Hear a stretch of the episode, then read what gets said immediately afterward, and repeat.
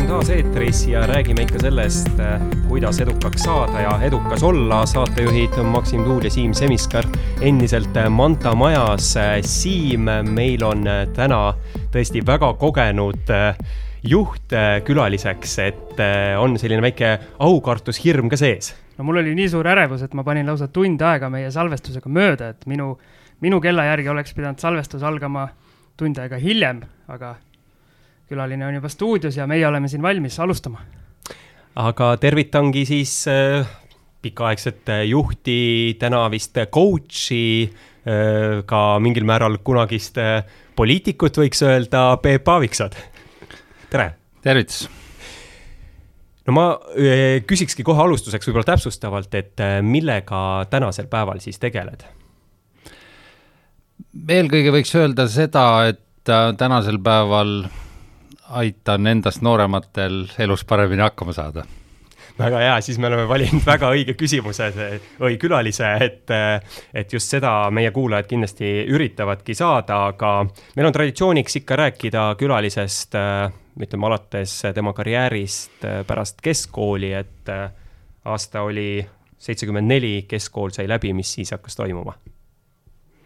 no eks elu oli ikkagi juba ennem ikka lõbus ja põnev, et, et et äh, jah, olen Tartu poiss ja, ja tänasel päeval siis Miina Härma gümnaasium, mis vaieldamatult on üks väga häid koole Eestis ja ja kindlasti minul kooli ajal ei olnud õppimine kõige tähtsam, vaid siis oli kõige tähtsam korvpall ja, ja spordi tegemine, et äh, võib-olla väga innustavalt see ei kõla, aga ma õppisin nii palju, et ma saaksin võistlustel käia ja mitte grammigi rohkem kuni viimase klassini.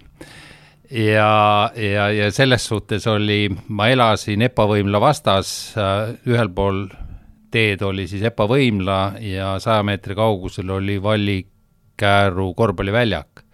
ehk et seal mu lapsepõlv ikkagi möödus aga, aga need olid põnevad ajad ja teile ilmselt tundub see kole okupatsiooniaeg, aga, aga, aga tegelikult oli lahe ja, ja ilmselt teadmata, kes teie auditoorium on, aga, aga pulli sai kõvasti aga seal ütleme siis pärast äh, keskkooli mängisid ikkagi kõrgel tasemel korvpalli, aga kas toona sai seda ka profikorvpalliks äh, nimetada ja kuida-?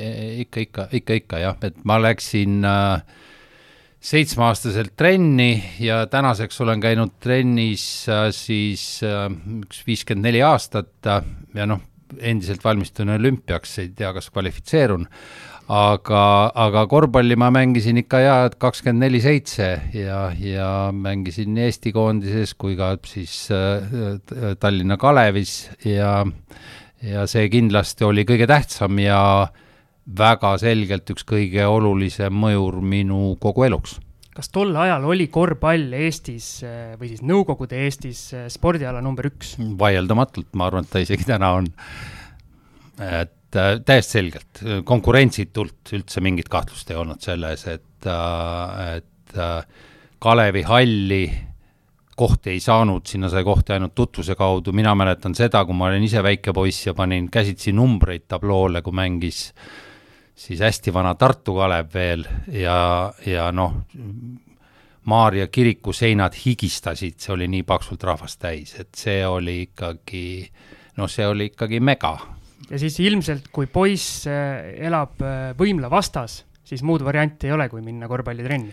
ei, absoluutselt ei olnud ja, ja kui ma ennem ütlesin, et ma väga usin õppija ei olnud, siis ma ütlesin, ma elasin esimesel korrusel, ütlesin emale, et ära sega mind, ma hakkan õppima lahkusin akna kaudu Vallikääru äh, väljakule, aga siis üks talendiaustaja mulle helistas ja siis ema tuli ust avama ja mind ei olnud kodus ja natukese aja pärast ma saabusin, ütlesin, nüüd on õpitud, et tahaks süüa et äh, aga kas see korvpall toona ikkagi siis äh, tõi ka selles mõttes sisse, et, äh, et, et tööl ei pidanud kõrvalt käima ja millal siis jõudsid esimese nii-öelda siis korvpallimängija välise töökohani? Ja ei, see oli ikkagi valik, et äh, okupatsiooni tingimustes äh, oli kaks asja, kas sa olid kultuurne ehk mängisid viiulit või laulsid või tegid sporti selleks, et saada Nõukogude Liidust välja. ja, ja ma, ma julgen öelda, et, et ma ei olnud andekas korvpallis, aga ma olin töökas, ma nägin vaeva ja, ja ja jõudsin Kalevisse ehk Eesti koondisse välja, olin Nõukogude Liidu meistersportlane, mis nagu selles mõttes oli noh, väga kõva sõna.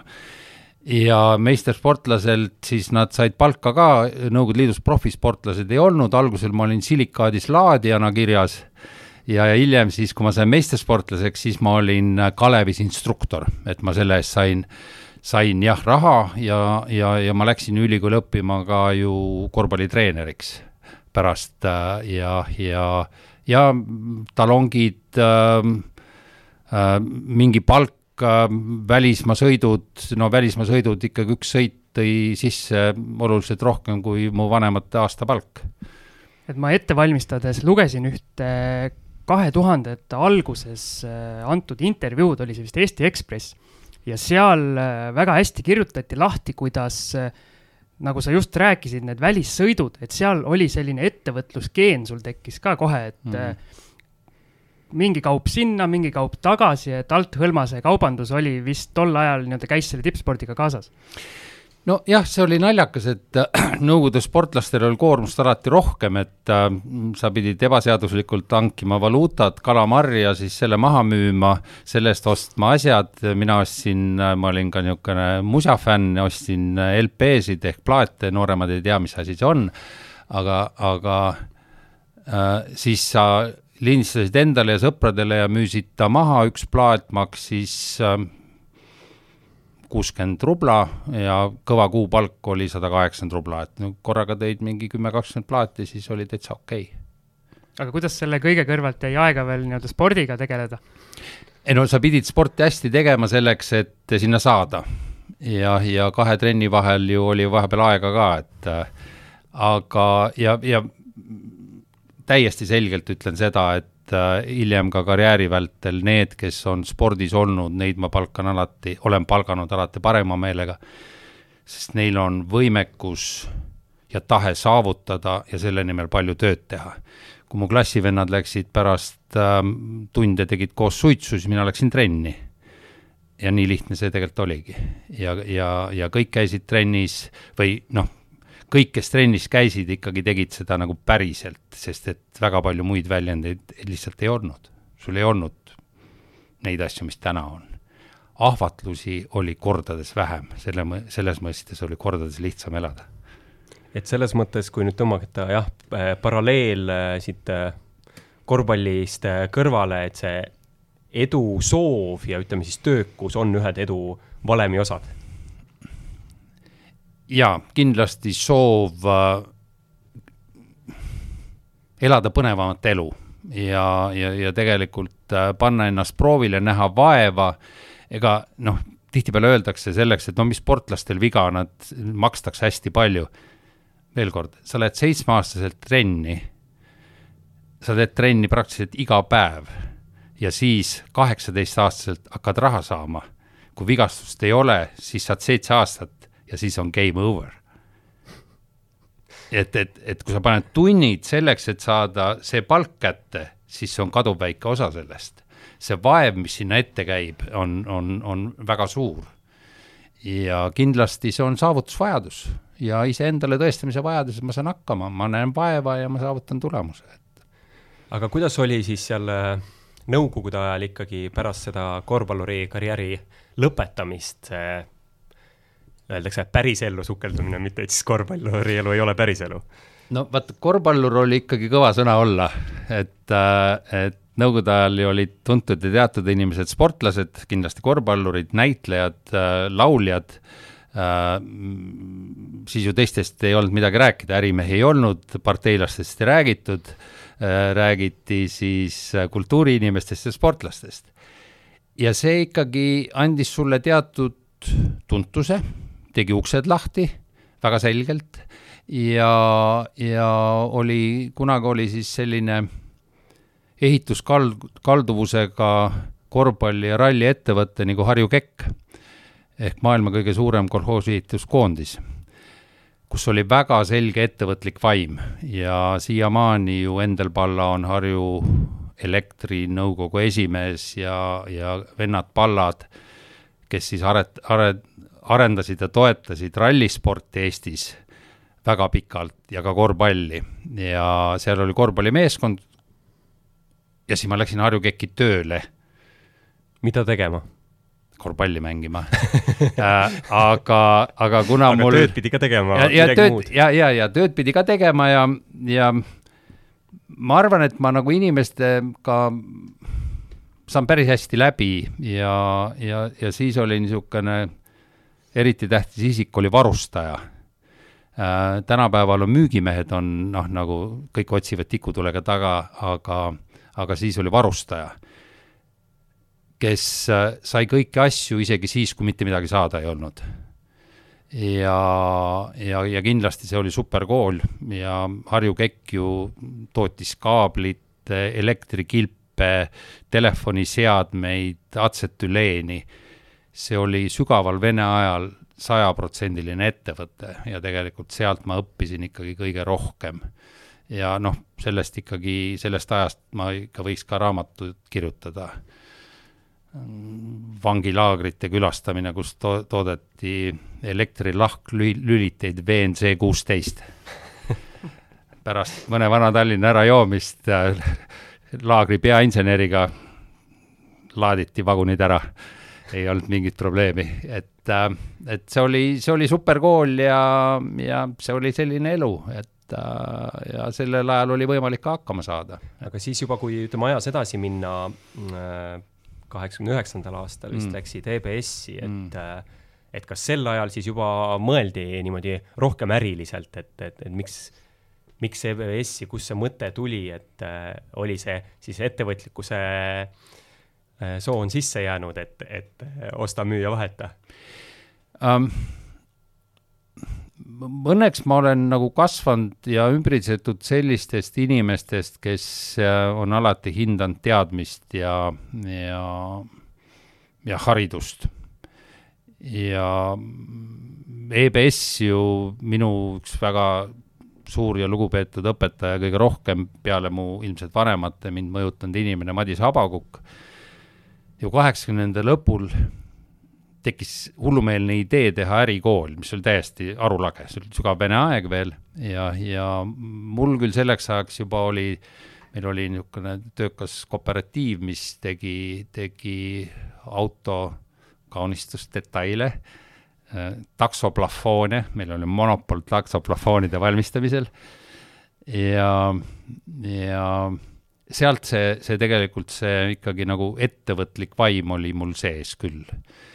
ja, ja siis, kui, kui see EBS loodi, siis oli kuidagi mul hästi loomulik samm sinna minna, sest ma tahtsin, ma arvan, et mul oli nagu njuh oli või nina oli olemas, et ma sain aru, mida on mõistlik teha, mis palgatööst ilmselt kolm-neli-viis korda rohkem sisse toob. ehk pärast tööd tegime ju seda, seda, seda kooperatiivi. ma korraks tuleks sinna taksoplafoonide juurde ikkagi tagasi mm., et äh, kuidas nagu see näiteks tegevus algas või, või mismoodi üldse toimus äh, toona mingi siis ettevõtte asutamine või mingi tegevuse nagu alustamine, kust tuli see mõte, see, see energia äh,, oskused? No tegelikult oli ikkagi piiritu soov paremini elada ja kui tänane põlvkond, ilmselt teie ka naudite rohkem emotsioone, siis meie väga selgelt, kuna meil midagi ei olnud, siis see põlvkond oli hästi materialistlik, me tahtsime asju, aga asju ei olnud. asju sai välismaalt ja väga kalli raha eest. järelikult pidi kuidagi seda raha teenima ja, ja kuna selles suhtes oli lihtne, kuna mitte midagi ei olnud, siis ükskõik, mis sa tegid, kõik müüsid maha. ehk et äh, aga, aga jaa ja.. ei, ma just mõtlen nagu sellest seisukohast, et arvatavasti oli veel kui mitte sadu tuhandeid või miljoneid, kes tahtsid ka teha, et, et, et, et, miks nemad ei teinud või, või kuidas, kuidas jõudsid, jõudsid näiteks esimesena selle mõtte peale või natuke nagu seda protsessi lahti rääkida, et kui me siin ütleme, saate nimi on meil Edu valem ja kuulajad just mõtlevad, et, et mis see selline eelis või selline esimene samm võiks olla, kuidas nad teistest ette jõuavad mingi asjaga?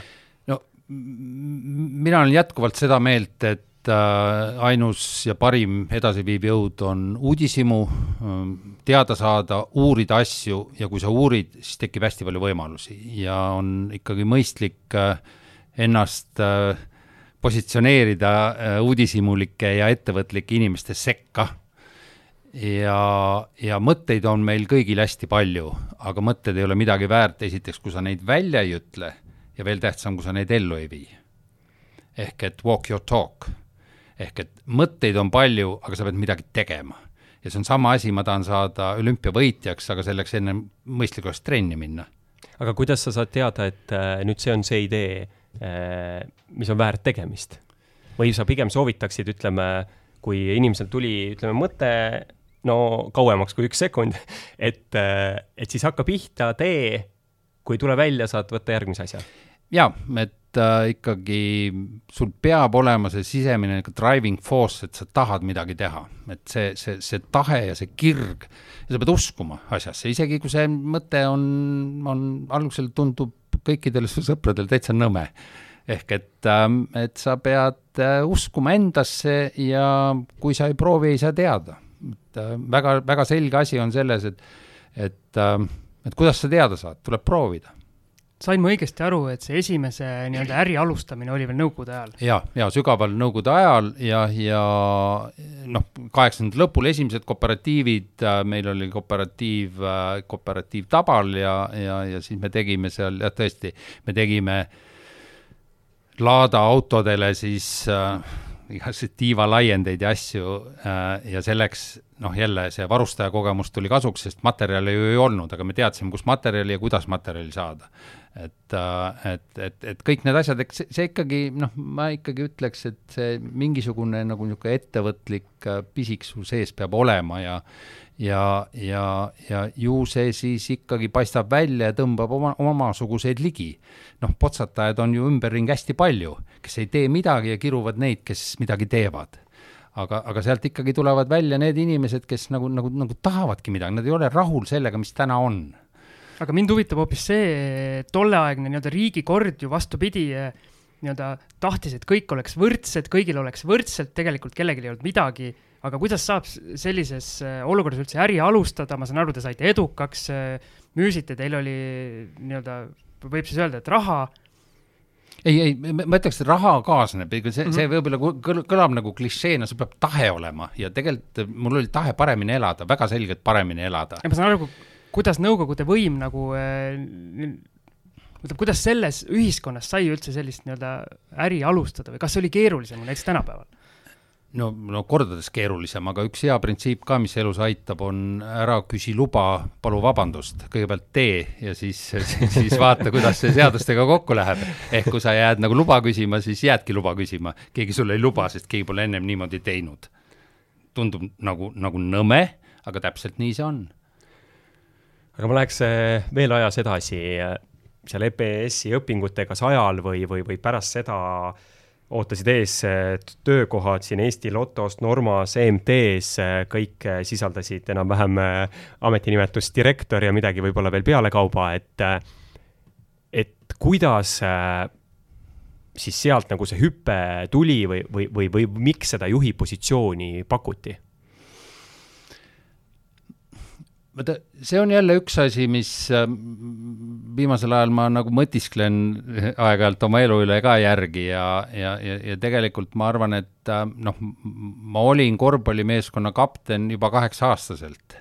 ehk ju seal kuskil mingisugune niisugune eestvedaja ja loomus nagu sees oli väga selgelt, et äh, et ja, ja ma väga selgelt olen ka ikkagi koostegija, ma olen üksinda, ma ei suuda midagi teha, ma tahan inimestega koos olla, tunda seda äh,, seda, seda tunnet, et kui, kui ma jooksen kiiresse ja sõber mulle söödu annab, siis ma tänan teda selle söödu eest, sest et ma ei oleks saanud ju sisse visata, kui mul palli ei ole. ehk see on jälle see, mis, äh, mis nagu selle äh, selle tunnetuse, et koos teha, eest vedada, andis ja kindlasti sellele EBS-ile ka nagu olulise äh, lisaväärtuse andis see, et äh,, et äh,, et kui ma, mälu mind ei peta, et mul oli vist, ma olin vist kuues, kellel oli MBA ehk siis äh, magistrikraad, ärimagistrikraad ja sellel hetkel siis meil oli internship oli, oli Silicon Valley's ja,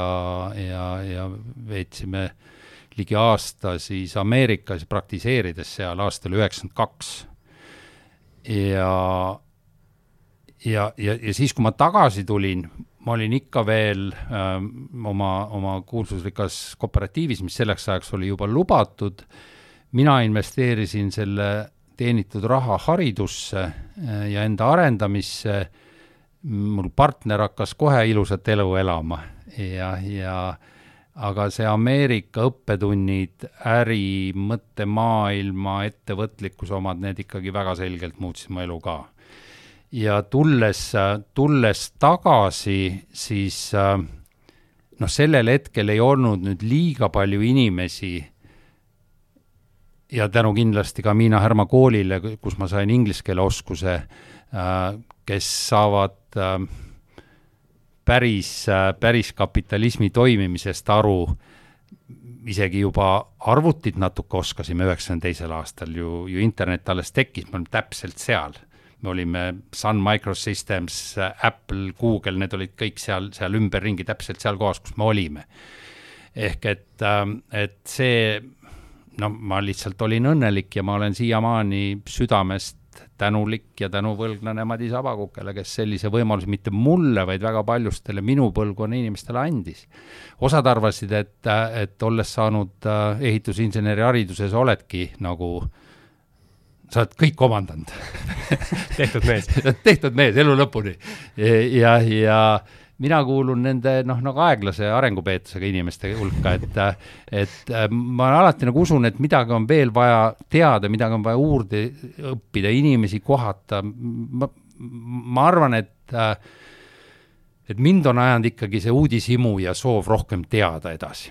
aga räägime korra sellest USA ajast, et milline šokk see oli inimesele, kes läheb äh, nii-öelda sotsialismist, läheb kapitalismi nii-öelda hälli sinna äh, San Francisco, nagu sa ütlesid, kõik selle nii-öelda praeguse tehnoloogia buumi nii-öelda häll, tol ajal kõik see hakkas tekkima, et äh, oli see suur šokk? noh, vaata ei olnud, eks, eks ma ikkagi olin nagu, nagu uudishimulik ja, ja, ja, ja lugesin päris palju ka ingliskeelset kirjandust ja asja ja noh, siis palju räägitud, ma ei tea, Soome, ma olin ju Lõuna-Eesti poiss, ma ei olnud mingi Soome televisiooni vaataja, aga aga nagu ma arvan, et see mul see ettekujutus oli ja noh, eks sa siis natuke olid ikka naiivne ka. Jah, ja, ja, ja tundsid, et noh, et kui sul on väike niisugune kooperatiiv, et siis sa oled ka nagu ettevõtja ja aga, aga, aga nagu õppe, ettevõtlus, ma tegin praktikat niisuguses firmas nagu, nagu Coffee Service, mis siis teenindas äh, office eid ja viis neile siis donatseid, kohvi ja soodajooke ja kõiki niisuguseid asju. ja seal oli siis mul nagu niisuguse õpetajaks oli mul David Toon, seos, seos Rotary klubiga oli seal ja, ja siis äh, elu lõpuni meeles, laupäeva hommik mina äh,, David Toon ja üks neegripoiss, vist, vabandust, kui ma midagi valesti ütlesin äh,, siis võis öelda niimoodi, me panime riiuleid, et laiendada äri laupäeva hommikul kell üheksa ja siis äh, tuli tellimus sisse, meil mingi asi ja meie laos seda ei olnud äh,. David ütles mulle, kuule, mine too konkurendi käest. What the hell, mõtlesin mina aga, aga mul on elu lõpuni see hetk meelde, kui ma tõin äh, Dr Pepperi selle soodavee selleks, et klient tahtis, muidu ta oleks võtnud kogu tellimuse äh, äh, konkurendi käest. Ehk need niisugused asjad, külmavärinad praegu jooksevad väga selgelt, et äh, et need olid niisugused õppetunnid, mida sa raamatut lugedes ei saa, sa pead ise seal sees olema ja seda äh, tunnetama. Ja, ja ja teine asi, mis mind nagu elu lõpuni käib kaasas meil olid seal, noh, siis oli hästi eksootiline, oli Eestist tulnud endine Nõukogude Liit, okupatsioon, mis iganes ja, ja siis oli Santa Clara County Judge, kohtunik, hästi positsioneeritud isik ja ja siis äh, meil olid niisugused vestlustunnid nendega, ta ütles, et democracy is a responsibility. ehk demokraatia tähendab seda, sul on kohustused ja kui sa kohustused oled täitnud, sul tekivad õigused.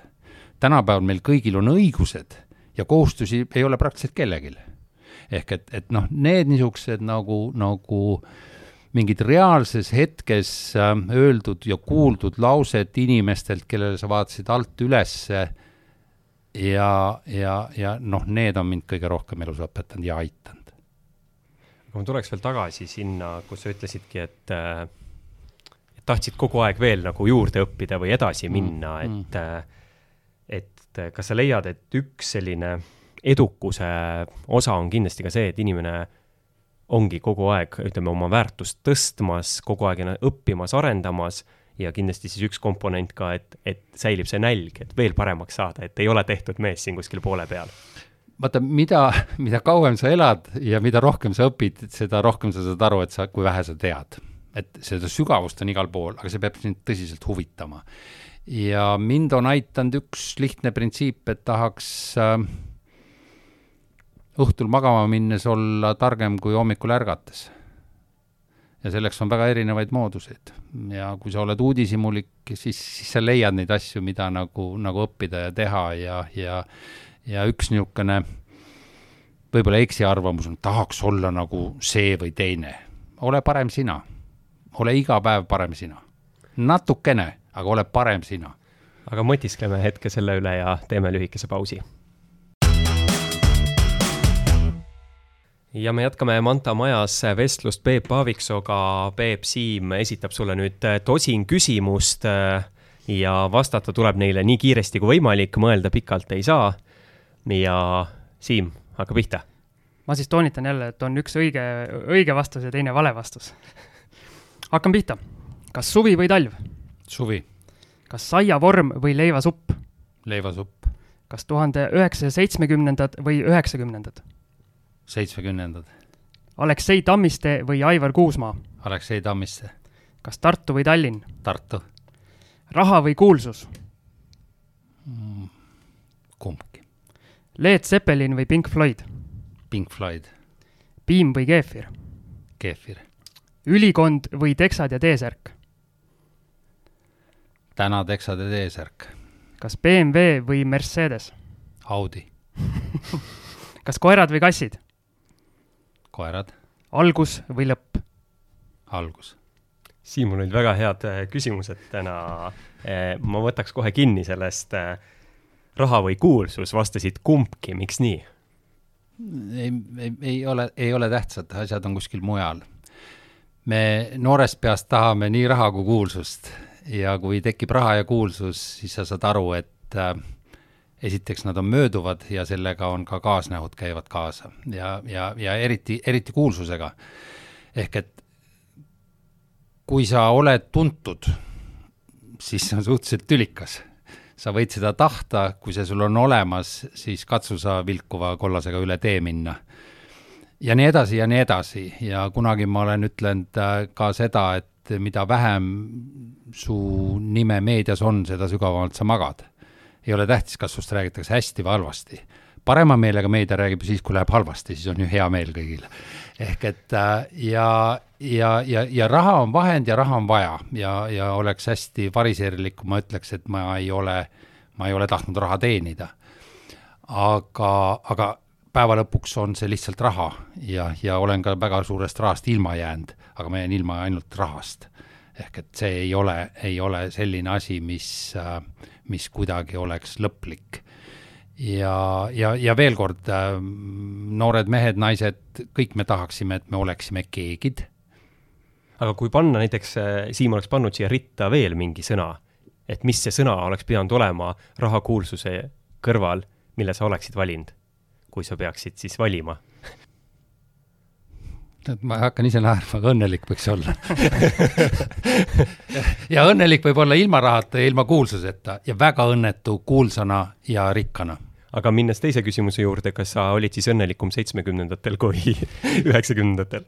jaa, olin, sest seitsmekümnendatel oli kuidagi, see oli noh, sa olid ikka noor vihane mees ja, ja noh, Pink Floyd, Led Zeppelin, mul oli Led Zeppelini poster oli mul magamistoas, noh, see on täna nagu oleks viienda seeria BMW, noh, ma olin ikka nii kõva mees.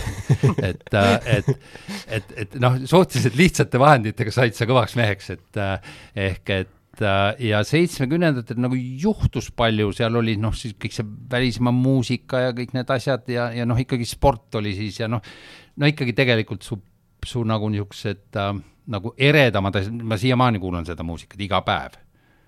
eks, et äh,, et ja, ja, ja, ja see jääb sinuga kaasa. ja üheksakümnendad siis nagu kõik nagu muutus võimalikuks aga see kuidagi oli nagu, see oli nagu, nagu kaasnev su, su, su nagu, nagu su enda roll oli võib-olla väiksem või, või sa tunnetasid seda vähem, et, et kooli lõpp ja ülikooli algus on ikka tegelikult kõige vingem aeg. aga Siim, sina kuulad vist üheksakümnendate muusikat ja kooli lõpp jäi ka sinna, nii et nii see kipub vist kõigil olema, et lapsepõlve muusika on see, mida kuulad. aga siis sa, siis sa ütlesid, et eksad ja T-särk on hetkel, aga mm. millal sul siis see ülikonna faas läbi sai või või nii-öelda, kuidas sa nagu lahti seletaks seda? julgen ka tunnistada, et, et äh, mulle meeldivad head ja kvaliteetsed asjad ja, ja ma tundsin ennast väga hästi ka heas ülikonnas.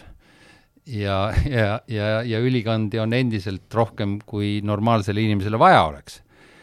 aga kuna sa pidid käima kogu aeg ülikonnaga lipsuga, siis äh, seda oli liiga palju seda oli liiga palju ja, ja, ja täna ma mõtlen, et noh, et, et no kui ma kuus kaks korda panen ülikonna selga, siis ma tunnen ennast natuke nagu, ai, ma tunnen ennast tegelikult, mulle meeldib ülikonnas olla, aga ma tahan olla nii, nagu ma olen, ma tahan, mul peaks mõnus olema.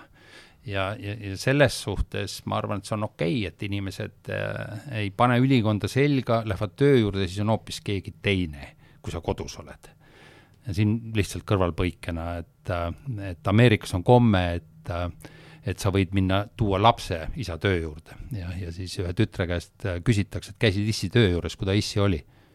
väga imelik, see ei olnud üldse minu issi.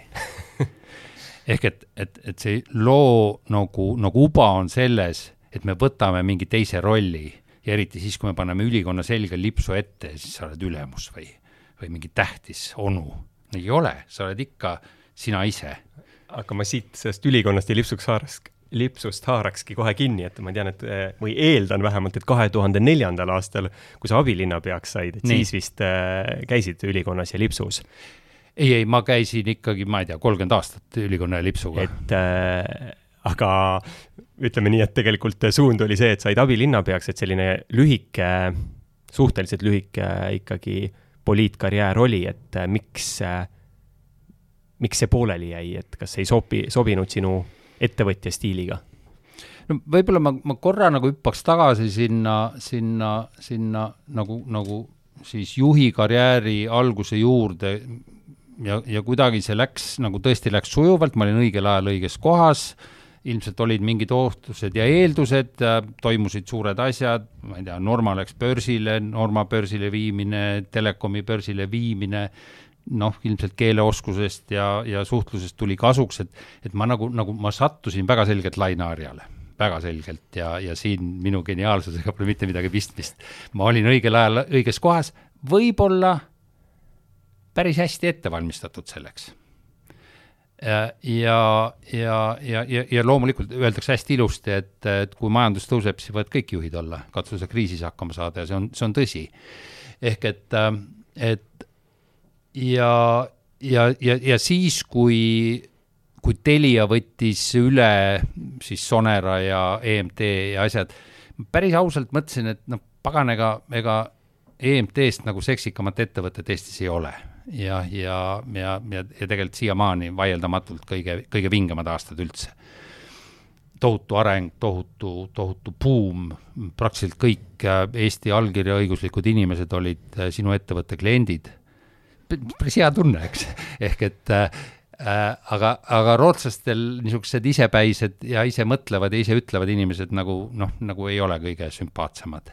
ehk et minu aeg sai otsa äh, seal ja, ja, ja, ja siis ma mõtlesin, et mida teha, kas teha midagi Eestis või minna välismaale või mida, mida teha. Ja, ja eks siis ju nagu poliitikud olid ka ju käimas nagu, et kas sa ei taha tulla. Ja ma mõtlesin, päris, päris põnev ju, miks segi, et proovin, proovin selle asja ka ära, aga ma ise kutsun seda partei õhtuülikooliks, et äh, ehk liberaalne maa, maailmavaade on mulle kogu aeg sümpaatne olnud, inimesed võiksid ja peaksid ise hakkama saama, kui ei ole midagi rahul, kõigepealt vaata peeglisse ja analüüsi, mida sina oled teinud. ja, ja jah, siis ma lasin ennast äh,, lasin ennast sinna meelitada ja eks see jälle mingisugune ikkagi nagu, nagu võib-olla ka natuke edevust ja asja selle ümber, et äh, oli, aga mis mind ikkagi ajas nagu päris hulluks, oli see, et oli minu arvamus, siis oli fraktsiooni arvamus, siis oli koalitsiooni arvamus ja need kõik olid erinevad ühesõnaga, et kui sul selleks ei teki nagu stressi või sa ei hakka jooma, no siis on sinuga midagi viga. ehk et, et, et see nagu, nagu, nagu ikkagi päriselt ajas ikkagi nagu, nagu krussi ja veel üks asi, mida ma ei suuda taluda siiamaani, on see, et poliitikas ei ole tähtis, kuidas asjad on, vaid kuidas asjad näivad. ehk et näilikkus ehk see, mis on kuvand, on tähtsam kui asja sisu. ja ratsionaalse inimesena ei suuda ma seda kuidagi aktsepteerida. ehk et äh, sa teed sellepärast, et see hääleandjatele meeldib, mitte sellepärast, et seda on õige teha. ja see on demokraatia huku, huku koht, et see ei saa niimoodi edasi kesta, ma ei usu sellesse, et aga üks väga hea asi äh, ikkagi juhtus ka selle abilinnapea olemise ajal, et äh, juba mainisid mõnda inimest, äh, kes on sulle nagu no kas eeskujuks olnud või öelnud midagi inspireerivat, et kui mu faktid nüüd paika peavad, siis abilinnapeaks olemise ajal kohtusid Microsofti juhi Bill Gatesiga ja, ja, ja, ja olin uhke eestlane, olin uhke eestlane ja, ja elu lõpuni jääb meelde. Ja elu on viinud mind kokku veel väga suurepäraste inimestega, et, et see on kõige ägedam, inimesed, keda sa oma eluteel kohtad. ja meil olid äsja olnud äh, kohalikud valimised äh, elektrooniliselt ja mingisugust ah,, siis juba Euroopa Liit äh, natukene Microsofti nagu kiristas, eks ole, ja, ja siis Ameerika saatkonnas oli siis hommikusöök, millegi segastel asjaoludel kutsuti mind ka sinna, sinna saadud, saabus Bill ja, ja mina uhke eestlasena küsisin, et et Mr Gates, et millal teil Ameerikas on elektroonilised valimised, meil olid eelmine kuu äh,. Mr Gates ütles, et jah, ma tean, te teete fantastilisi asju, aga meil ei toimu seda mitte kunagi ja ta põhjendas ka seda ära sellepärast, et ei saavutata seda kokkulepet või konsensust.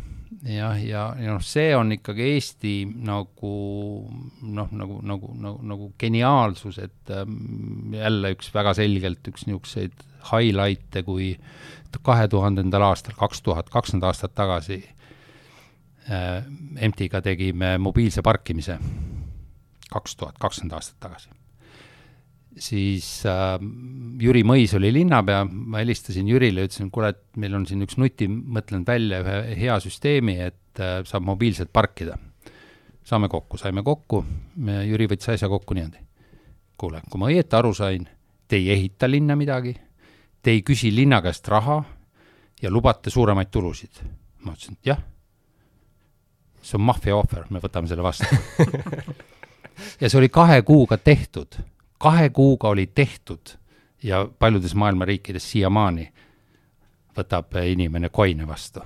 ehk et, et, et jälle selle nagu Eesti see, et kui sul on nagu, sa leiad alati üle, üles inimese, kellel on samasugune soov teha asju paremaks.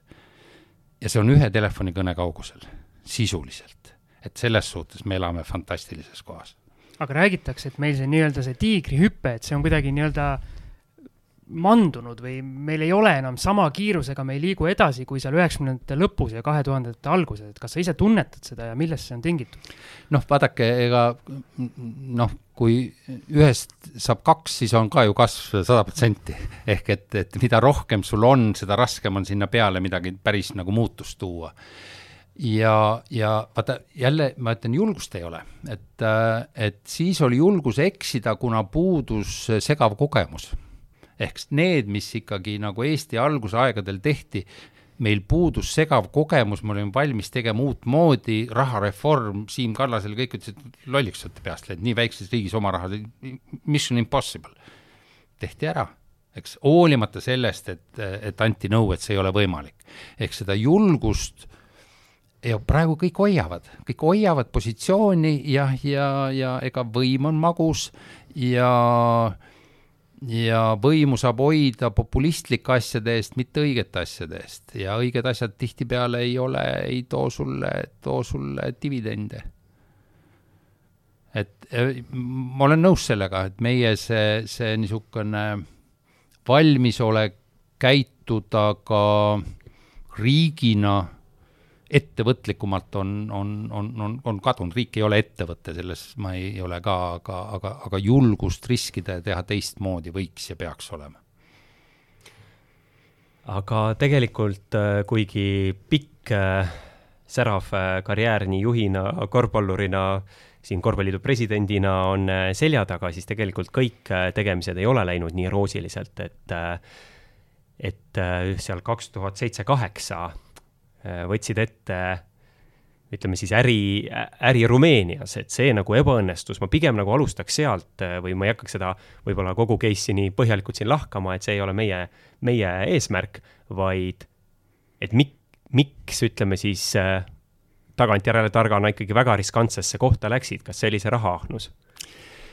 et eks seal on mitu asja koos, et, et see asi hakkas pihta kaks tuhat neli kaks tuhat neli hakkas pihta ja, ja nii nagu ikka, sa juhtud kellegagi kokku, näed võimalust ja, ja, ja kuna mul ei olnud, siis mu poliitikukarjäär oli, oli nagu otsa saanud ja, ja, ja ma selle lõpetanud.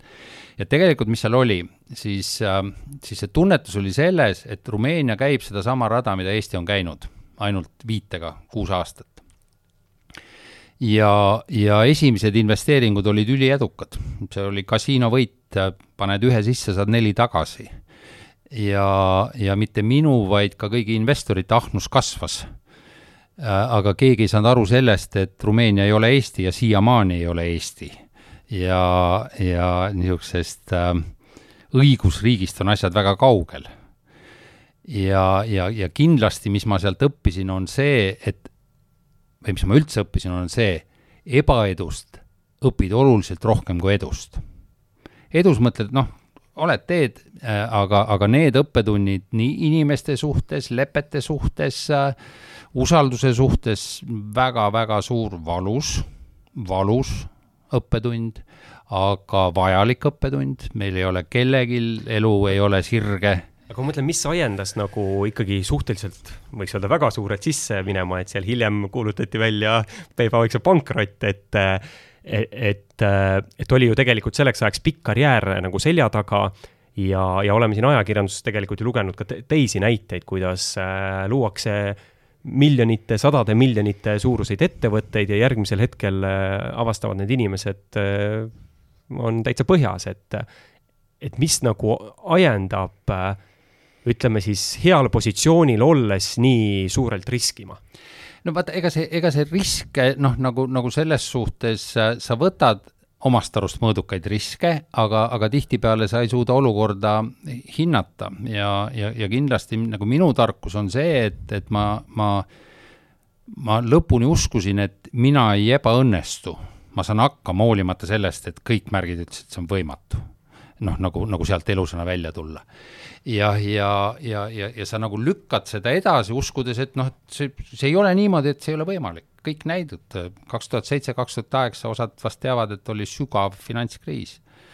istusid mitte mina, suur Eesti, Eesti spetsialist, istusid seal suurinvestorid äh, Iirimaalt äh,, Ameerikast, kes kõik, kõigil olid tühjad pihud.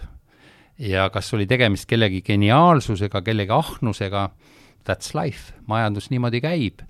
ja, ja üks hea ja tuntud inimene ütles väga ilusti äh, kunagi mulle nagu leevenduseks, et äh, et see, et ma esimeses ringis võitsin suurelt äh,, oli väga okei okay., see, et ma teises ringis kaotasin, on ka okei okay. ja, ja, ja, ja tarkus on jah, õigel ajal välja tulla, ega siis ülikasumid on kasiinovõit ja siis inimestel tekib, et ma nüüd võidan järgmine kord ka, ei võida ükskord võidad, teinekord kaotad, et see on osa, osa sellest ärist. aga kui, osa ärist. kui nüüd see asi, ütleme, läbi sai või, või noh, mingil määral ta võib-olla painab natukene praegusenigi, et Muidugi. kuidas, ütleme, sellise suure ikkagi ebaõnnestumise kaotusega toime tulla väga raske, väga raske ja sa pead äh, iseendaga hakkama saama ja eks see ikkagi nagu, nagu ja sul peavad olema inimesi, kes sind toetavad väga selgelt. ja, ja, ja mitte sellest, et sõber ütleb, et pole midagi, vaid äh, mina olen jõudnud ikkagi niisuguse sisekaemuse ja, ja, ja meditatsiooni ja tegelikult ma arvan ka ma jõudsin tänu sellele ka coaching'u juurde. Ehk saada paremini aru ja tegelikult ka ikkagi aidata teistel aru saada situatsioonist ja mitte teha neid vigu, mida mina tegin. et, äh, et nii, kui ma ennem ütlesin, et ma sattusin õigel ajal laineharjale, siis ma saa-, ma sattusin olema ka väga vales kohas, väga valel ajal, väga valede partneritega, väga selgelt, et uh, that's life. aga teemegi veel viimase pausi ja jätkamegi siis juba coaching'u teemal ja jätkame Manta Majas vestlust Peep Aaviksooga. Peep, jõudsime coaching uni siin äh, enne väikest pausi, et äh, räägi meie võib-olla kuulajatele lühidalt veel lahti, et mis see coaching üldse on? no jälle, nagu ma ennem ütlesin, tuleb nooruses tagasi minna, et oma esimese äh, ülikoolikraadi poolest olen ma korvpallitreener ehk basketball coach.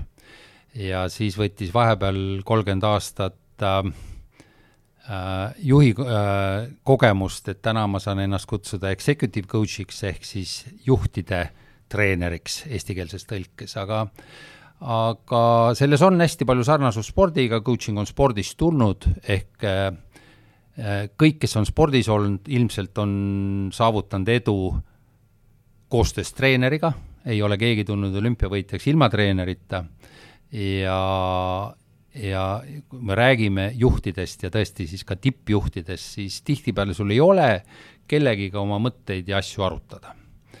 ja, ja, ja coach on selles suhtes sulle partneriks, kes aitab sul selgust saada sinu väljakutsetes ja teemades. ta ei ütle sulle, mida teha, aga ta aitab sul aru saada, mida sa võiksid teha ja seda analüüsida. ehk et, äh, et coach on, on äh, tugi, kes aitab sinus peituva potentsiaali maksimaalselt ära kasutada siis, kui sa seda ise väga tahad.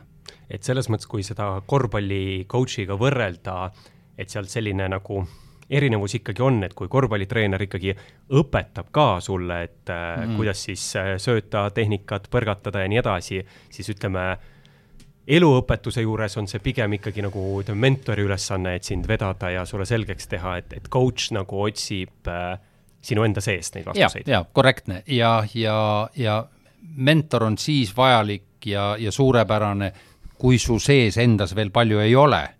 kui sa oled selle etapi läbi käinud ja su sees on, siis ta aitab sul otsida neid ressursse kasutusele võtta. ehk et kui ja, ja siin on väga selgelt juhi ülesanne on luua oma inimestele tingimused ja keskkond, kus nad saaksid ja tahaksid oma oskusi ja andeid realiseerida ja coach teeb sedasama asja, su sees on palju, ta aitab selle välja tuua ja selle realiseerida. spordiga võrdlus samasugune on see, treener teab, mida te-, peab tegema selleks, et sa saaksid edukaks, aga ta ei tee kunagi ühtegi harjutust sinu eest ära. eks, sa ise pead tegema. treener ei tee kunagi, ta teab, mida tegema peab ja kui sina tahad, siis ta aitab sind seda saavutada aga kuidas praktikas see coach äh, nii-öelda töötab, et ole, oletame, tuleb sinu juurde inimene, kes soovib äh, sinu abi hmm., kuidas see nii-öelda töö käima läheb? no kõigepealt äh, on hea, kui ta saab aru, mis asi coaching on, et see ei ole mingisugune uus äh, niisugune nagu, nagu management trikk äh, ja, ja tänasel päeval on see businessi väärtus on kuskil kaksteist, kolmteist miljardit maailmas suur, oluline äh, ja, ja ta peab saama aru, mis asi see on, ta peab ise tahtma äh, saada paremaks, äh, coach saab teda toetada sellel teel, me selgitame välja eesmärgid, mida ta tahab saavutada, kuhu ta tahab jõuda. Ja siis lähme teele tükikaupa, tehes erinevaid asju talle. Selgemaks, ta saab ise aru ja, ja üks, üks niisugune kõige levinum küsimus on, mida sa päriselt tahad kui me rääkisime ennem kuulsusest ja rahast, mida sa päriselt tahad, eks. paljud tahavad jälle, tulles nagu äri juurde tagasi, et palju sul nagu juurde on vaja, sa ütlesid ahnus, a little bit more natuke veel. ja siis ma küsin, aga kas see teeb su õnnelikumaks? kas see teeb su elu paremaks, kvaliteetsemaks, a little bit more? ei tee, ütlen ma täna. aga mitte kümme aastat tagasi, eks. siis ma arvasin, et noh, et nagu a little bit more teeb elu nagu paremaks. ehk et et aidata inimesel selgust saada selles, mida ma päriselt tahan ja mis ma peaks selleks tegema, et seda saada. tegema peab tema, otsuse vastu võtab tema. ja, ja eriti mulle meeldivad kaas-, praegu mul on üks hästi kihvt ka klient, kes sai pärandusest äh, isa käest nagu ette võtta ja teeb oma esimese samme, noor ei ole kogemusi, aga hirmsasti tahab ja nii uudishimulik, et sa ainult äh, näita talle kuskilt midagi, mida ta võiks iseendale selgeks teha. no puhas lust, ehk et ja see, mida mina sellest saan, on see, et ma, ma saan kaasa aidata kellegi arengule, kes päriselt tahab saada paremaks ja on valmis selle nimel vaeva nägema arenemine toob kaasa alati ebamugavustunde. see, käime, käime trennis, ma käin trennis ka treeneriga, ma ütlesin küll ennem, et ma olen viiskümmend neli aastat trennis käinud ja ma olen trenni, ise lähen trenni, tulen ära, niisugune kõva mees omast arust. käin treeneriga trennis, kõik kohad valutavad, sest ta on treeninud neid lihaseid, millest mul endal aimugi pole. sest kui on käsi tugev, teed kätekõverdusi, jalad nõrgad, väldid nende tegemist see on täpselt sama asi, sa aitad tuvastada need kohad, mis on sul puudu sellest, et sa saaksid olla veel edukam. mingisugune katmata ala, mingisugune vari, mida sa ise pole või sa oled kinni vanades harjumustes, asjadest, see näitab peeglit sulle. ja kui sulle peeglis su nägu ei meeldi, see on endiselt sinu nägu. mina ei ole seda kuidagi moonutanud ma eeldan, et sul on klientide, klientidena olnud väga palju edukaid inimesi, et kas sa saad nii-öelda lihtrahvale kinnitada, et need edukad inimesed on tegelikult samasugused inimesed, et kui sina nad nii-öelda nendega tööle hakkad, et sa näed, et nende sees on samamoodi kõhklused, kahtlused, probleemid, mured, et nad on tavalised inimesed, lihtsalt äh, nagu meiegi otsime seda eduvalemit, et see ei ole, ei tulene sellest, et nad on mingid üliinimesed või superkangelased. Ei ole, aga, aga vaata see, mida, mida mina otsin nagu kliendist, kui ma saan, no seda kutsutakse sobivuskohtumiseks, sa saad inimesega kokku ja sa vaatad, kas tal on sära, kas tal on positiivne driver sees ja kõigis me, kõigil meil on probleemid. me ei ole keegi mitte kunagi probleemivaba, me liigume kogu aeg kaosest korda, kui mingi asi saab korda, tekib jama kuskil mujal ja nii kogu elu lõpuni teil on, saate kogeda seda pikalt. ei ole niimoodi, et kõik on valmis ja kõik on hästi, tuleb mingi uus asi. me saame tegeleda asjadega, milles me oleme teadlikud. ehk, ehk et selle protsessi kaudu tekib teadlikkus, ahaa, selleks, et teha seda hästi, pean ma valdama ühte või teist või kolmandat asja. ma pean midagi teistmoodi tegema. ehk et, äh, et ma isegi ütleks niimoodi, et, äh, et, et see coaching on hästi palju ka iseendast arusaamise protsess ja kui sa iseendast saad aru ja, ja, ja vaata, ega siis äh, sa ei ole ju ainult ettevõtja või juht, sa oled eelkõige inimene koos oma kõikide ümbritsevaga, kõigi selle asjaga. ja coaching protsessi käigus sa saad iseendast paremini aru, mida sa tahad ja kui sa midagi väga tahad, siis mida sa pead selleks tegema, et seda saavutada. ja seal on nagu selles suhtes see nagu challenge ja support ehk nagu siis väljakutse ja, ja, ja toetus on nagu hästi koos. ehk et kui ma eeldan, et sa tahad rohkem, siis ma, siis ma aitan kaasa selleks, et sa teeksid selle ekstra pingutuse. jälle sama nagu jõusaalis. no Peep, jõuad kaks veel? no muidugi jõuan kaks veel, eks, muidugi jõuan kaks veel, aga ma ei tee ju seda, kui mul keegi ei ütle. me oleme kõik ühtemoodi. mul tuli selle kaose ja korraga tuli eh, nagu selline mõte, et eh, kas on nii, et paljud inimesed eh, üritavadki sellesse nii-öelda, kui nad loovad endale korra, nad üritavad sinna nii-öelda seisma jääda, et mm. hoida võimalikult lihtsana oma elu, aga need, kes on edasipüüdlikud, lähevad edasi, loovad endale ise nagu uue selle kaose, mida hakata nagu lahendama. just, ehk et äh, edukaid inimesi eelkõige iseloomustab see, et nad on suutelised taluma ebamugavust ka pikema perioodi vältel. ehk et sa lähed kuskile, kus sul puudub kogemus eelkõige, sa küsisid ennem, et kuidas sa hakkasid tegema, teised ju ei teinud. ma olin valmis taluma ebamugavust selleks, et saada edukamaks mingi periood ega siis läksime õhtul pärast tööd, läksime tööle ja tegime kella kaheteistkümneni tööd. see, see, see ei olnud väga mugav. oleks võinud ju teiste töökaaslastega õlut juua. õlut jõime ka, aga ennem tegime tööd. ehk et, et need on kõik need asjad, et, et see ebamugavuse, teadmatuse talumine ja, ja no mõtleme ka sellele jälle, ma ei tea, need inimesed, kes lähevad välismaale, eks, noh, nad lähevad ju kuskile teadma, ma läksin ka teadmatusse eelduses selles, et ma saan seal hakkama, sest mul on kogemus siin, aga mul ei olnud kogemust sealt, eks. ehk et, äh, et äh, võime taluda ebamugavust millegi suurema nimel ja kõige tähtsam on see, et sa ise usud sellesse. et see tee, mille sa oled valinud mingiks perioodiks, on õige. siis sa liigud selles suunas, sa pead uskuma. on see võime ebamugavust taluda treenitav? kindlasti on, aga sa hakka, hakkad väikse, noh, väikeste sammudega pihta, esimene samm ebamugavusteel peab olema piisavalt väike, et sa ei väldiks selle astumist. et ei saa olla sellist asja, nagu paljud inimesed tahavad äh, uusaasta lubadustega kaalus alla võtta, et äh, esimesed, esimesed nädal aega teevad jõusaalis ja. seitse päeva, seitse päeva trenni ja siis ja. lõpetavad ära, et liiga.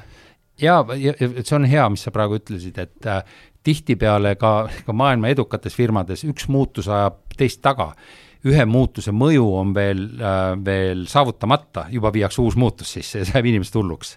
ehk et, et ei kannatata ära, et, et noh, veel ei tulnud, eks, noh, sama jälle spordis sa õpid, ma ei tea, midagi ringi või eks ole, sul on harjumus suhteliselt kehv, kehv golfimängija, midagi teen valesti, et õppida uut asja, sa pead pagan palju vaeva nägema ja siis vanaga tuli ka nagu enam-vähem okei okay välja ja sa langed sinna tagasi. ja, ja siin on treeneri roll või coach'i roll selles, sa ei lase tagasi langeda. kui sa oled mulle lubanud, et sa teed midagi, tegelikult ta lubab iseendale, aga mina kuulen seda. Charles Handy on ütlenud ilusti, kuidas ma tean, mida ma mõtlen, kui ma ei ole seda välja ütlenud ehk kui ma ütlen välja, niikaua kui meil mõtted on meie peas, siis on üks segapudru ja me ei vastuta selle eest, sest sa ei tea ju, mis ma mõtlen kui ma ütlen välja, ma võtan vastutuse. ja kui ma suudan seda sõnastada niimoodi, et teine inimene sellest aru saab, siis selle efekt on selles, et mul on endal saabunud selgus. see on nagu selle coaching'u olemus. Speak out loud, sa ütled välja selle, mida sa mõtled. sa korrastad selle ära, lood raami ja tegelikult see on sul, sellest raamist saab sul mingi tegevuskava. aga siinkohal ma küsin siis nii-öelda spordiajakirjanikuna, et paljud äh, noor, noorkorvpallurid ütlevad kõvasti välja, et nende eesmärk on NBA-sse mm. ja siis nad saavad selle eest hirmsalt peksa, et mm. Äh, mida sa seletad, et meil on Eestist üldse aasta, aastate jooksul äh, üks, äh, üks mees sinna jõudnud, et umbes sa kõigepealt, ma ei tea, siin Eesti meistriliigas ole tegija nõus, ega, ega sa peadki, ega elevanti süüakse piifstegi kaupa. eks sa hakkad ühest otsast pihta, sa oled Eesti meister, siis sa oled see, siis sa oled koondises, siis sa saad klubisse ja sa niimoodi lähedki step by step, eks. ei, ma saan aru, aga kas see väljaütlemine tegelikult ei ole siis nagu vale? ei, ei, ei ole vale, sul peab olema eesmärk, mille suunas sa liigud. sul peab olema alati eesmärk, mille suunas sa liigud jah, ja, ja, ja, ja siis selleks, et eesmärgile jõuda, on sul vaja neid, kes sinusse usuvad. ehk et coach'ina minu printsiip on ka väga lihtne ma usun iseendasse, ma usun, et coaching protsess aitab ja ma usun oma klienti, et ta päriselt tahab saavutada ja saada paremaks. ehk et, et usk on driving force, see, mis paneb su käima. ja kui ma usun, et ma tahan, tahan saada olümpiavõitjaks, siis ma pean nagu siga palju vaeva nägema, loobuma kõigist asjadest. on, on väga hea raamat, on, on Briti kaheksane sõudepaat äh, ben Davis on selle kirjutanud, kes äh, britid otsustasid, et nad võidavad Sydneys olümpiakulla kaheksasada paadiga. ja, ja, ja see on hästi kihvt protsess, hästi kihvtilt kirjutatud ja nendel oli üks küsimus, mida see tiim, kus olid siis sportlased, treenerid, taustajõud, kõik üksteiselt küsisid, mis iganes keegi tegi, will it make the boat go faster? kas see tegevus, mis sa tegid, paneb paadi kiiremini liikuma? Kas see tegevus, mis sa tegid, viib sind äh, NBA-le ligemale või mitte? mis sa täna tegid, kas need tegevused, mis ma täna tegin, viib mind NBA-le ligemale või mitte? ja kui ei vii, siis sa vist väga ei taha saada NBA-sse. ja NBA-sse jõuavad need, kellel on tohutu andekus ja tohutu töökus. ükskõik, mis ala tippu ei jõua ainult andekad ja ainult töökad. Need asjad peavad koos olema. ja õnne peab ka olema. õigel ajal õiges kohas, juhtud õigete inimestega kokku mina olen juhtunud õigete inimestega kokku, ma olen valedega ka kokku juhtunud. That's life. siin on vahepeal nii palju kuldmune kukkunud ja Siimul nii palju küsimusi järjest tulnud, et, et ma vahepeal märkisin endale küsimusi üles, sest, sest ei tahtnud teile vahele segada aga tegelikult veel selle eesmärkide seadmise kohta ma tuletaks meelde meie saadet äh, Gerd Kanteriga, kes äh, seadis ka ju väga kõrged eesmärgid kohe kunagi, seitsekümmend viis pluss. ja tema ütles samamoodi, et paned kõrge eesmärgi, teed kõik selle nimel ja isegi kui saavutad sellest kaheksakümmend, üheksakümmend või mõnikord ka viiskümmend protsenti, siis see on juba nii suur edusamm. aga ma tegelikult tahaks küsimusega minna nüüd äh, päris praktiliseks, et et kui ma nüüd ikkagi tahan coach'i poole pöörduda, et äh, siis äh, noh, ma tean põhimõtteliselt niimoodi kohe lennult, ma tean kahte coach'i. üks on Peep Aaviksoo, äh, kes arvatavasti coach ib nii-öelda ainult tippjuhte ehk tema pikaajalisi tippjuhte, et tema juurde ma vist minna ei saa. siis ma tean veel Gerd Kanterit, keda ma jällegi natukene tunnen isiklikult ja ta ütles, et minu juurde ka tulla ei saa, et ma tunnen sind, et, et siis ei ole see peegeldus nagu nii objektiivne, et, et kuidas ja kust ma nagu üldse coach'i hakkan valima, mille järgi vaata, mina ütlen väga selgelt, et ma ei tee inimestel vahet positsiooni järgi, ma teen selle järgi, noh, tegelikult on, sul peab nagu inimene nagu, nagu noh, ütleme korda minema või, või, või sul peab tekkima mingisugune niisugune nagu, nagu, nagu, nagu side. jah, ja, ja, mul on erinevaid inimesi, jah, küll jah, ilmselt rohkem juhte ja tegelikult tullakse ju selle juurde, nad teavad, et mul on juhi kogemus aga, aga ma ei räägi oma kogemust, ma siin kasutan oma coaching'u oskusi ja, ja, ja selles suhtes see, et ma Gerdi, võiks öelda, motiveerisin sinna kursusele, see on väga selgelt, et ta oleks toeks sportlastele coach'i oskustega juures, ma olen ise ka sportlasi ka aidanud mindset'i paika panna ja mis ei ole väga lihtne. mul üks väga vinge sportlane väsis äh, neljakümne minuti mõttetööga, nagu ta suur tugev keha väsis täitsa ära sest et siis, sest et noh, nagu, nagu ajutreeninguga ta väga ei olnud tegelenud, eks. ehk et, ähm, et äh, aga kus leida, on olemas, äh, Eestis on olemas ICF, mis on International Coach Federation, seal on need, kes on professionaalselt atesteeritud coach'id, sealt võib leida. Ja me EBS-is on meilt läbi käinud üle saja coach'i no kellest paljusid ikka ma julgen soovitada ja kes hea meelega on toeks ja, ja, ja, ja see on tõsi, et kui sa liiga hästi tunned, siis on sul segajad hästi palju juures, eks, et äh, aga ma küsin kiirelt vahele, et kui suur on see nüüd protsent, kelle sa, ütleme siis nii, et ukselt tagasi saadad, kellega seda klappi ei teki? aus vastus, ei ole ühtegi tagasi saatnud. üks coaching'u protsess on jäänud pooleli aga ilmselt äh, ei olnud tema valmis veel. ja, ja ei, ei ole saatnud ja ma, ma seda nagu ei saa teha, kui inimene tahab tulla ja, ja, ja, ja, ja päriselt ise tahab, siis ma teen seda hea meelega, sest et see on seesama asi, kus sa rääkisid kuulsusest või rahast. tähtis on eriti meestele, kes võib-olla on natuke kauem elanud, on oluline olla vajalik kellelegi see on kõige, kui sa ei ole vajalik kellelegi või sa oled nagu, nagu useless, see, seda ei suuda nagu inimesed taluda. kui sa suudad midagi anda teisele inimesele ja, ja sa näed tema edu, kui Gerd Kanter tuli olümpiavõitjaks, keda näidati tribüünilt? treenereid. kas Raul Rebane õpetas Gerdile, kuidas ketast heita või? jumal tänatud, et mitte ta aitas tal realiseerida potentsiaali, mis Gerdis peitus ja tohutu töö ma tuleks veel korraks siis tagasi ühe punkti juurde, mida te siin rääkisite, et äh, mainisid, et äh, selline äh, ettevõtlikkus ja julgus, ütleme, minna siis uude keskkonda või, või välismaale või, või teha neid uusi asju, et, et ka meie saadetest on siin mitu korda läbi jooksnud see sõna julgus. Mm.. et kas seal eduvalemis ka sinu arvates kindlasti on väga tähtsal kohal see julgus väga selgelt ja, ja vaata, veel on, meid pidurdab tegelikult hirm fail ida ehk ebaõnnestuda. see on see, mida paljud mõtlevad, aga midagi ei tee. ehk et kui sa saad sellest üle, et, et fail imine on okei okay, äh,, aga kui sa sellest ei õpi, see ei ole okei okay.. Fail ida on okei okay jah, ja aga inimestel on see, aga mis siis teised mõtlevad, kui ma fail in, need ja kõik, kõik niisugused asjad tulevad ja sellega sa nagu teed, mitte midagi ei juhtu, kui sa fail'id elad edasi, eks. ehk et nii, nagu ütlesid seal poliitikutest suured sõna, sõnameistrid, et ei juhtu midagi, näljastreiki ei hakka. ehk et, et aga tegelikult see on seesama asi, mis meid, meid pidurdab, meie hirm ebaõnnestuda. ja need, kes ei karda ebaõnnestuda, ma ei tea, Edison tegi tuhat korda lampi, lõpuks need siiamaani meil tuhat valged, eks. ehk see on see ja talu, selle taluvus ja, ja kindlasti jah, jälle inglise keeles ma ei tea, see julgus või courage kõlab nagu hästi, hästi, et et, et, et see, see soov ja, ja, ja tegelikult üks oskus ka, mida ma kõigile juhtidele, kõigile inimestele julgen soovitada, seda, et öelda, et ma ei tea, ma ei oska, on, on, on väga okei okay.. kõige hullem on see, kui sa ütled, et kas sa said aru, ta noogutab, et tegelikult ei saanud mitte midagi aru. Äh, et mul kunagi oli üks ülemus, ma küsisin, ma olin koos Ameerikas taga ja ma küsin, kas inglise keelest said aru, ta ütles, saad aru, ta ütles ja, jah. jama oli sellest, ta sai valesti aru see on, see on päris äh, halb äh, juhtum, aga äh, ma vaikselt hakkaks kokku võtma, aga enne kui ma küsin, et äh, mis on edu valem, on mul hoopis veel selline küsimus, et ikka öeldakse, et inimene on tegelikult äh, ütleme siis keskmine viiest lähedasemast inimesest, kellega ta suhtleb, et äh,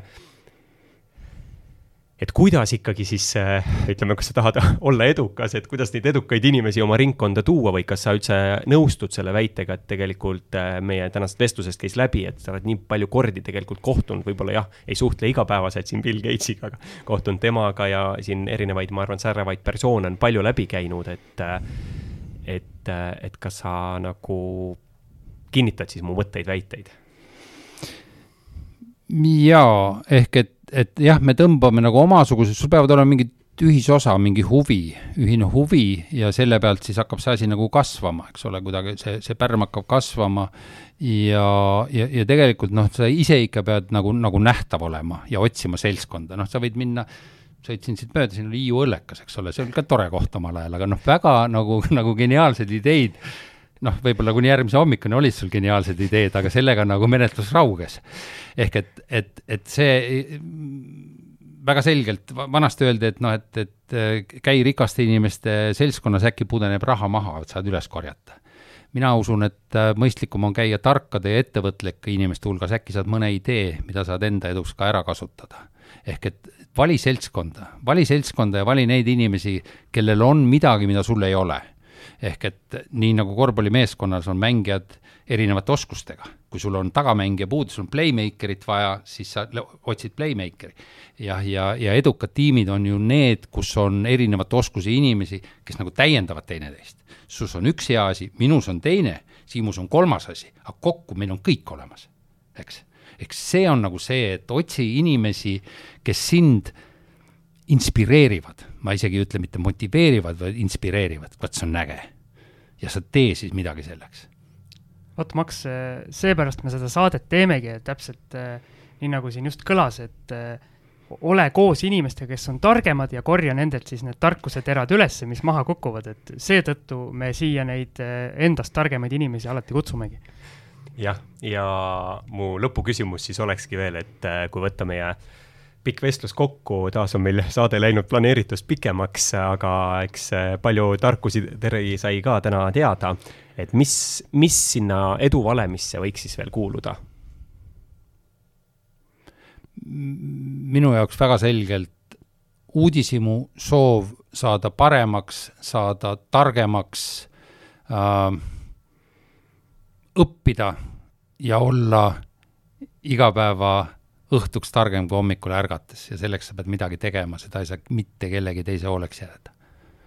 aga aitäh, Peep, äh, meile saatesse tulemast! suur, suur tänu ka minu poolt!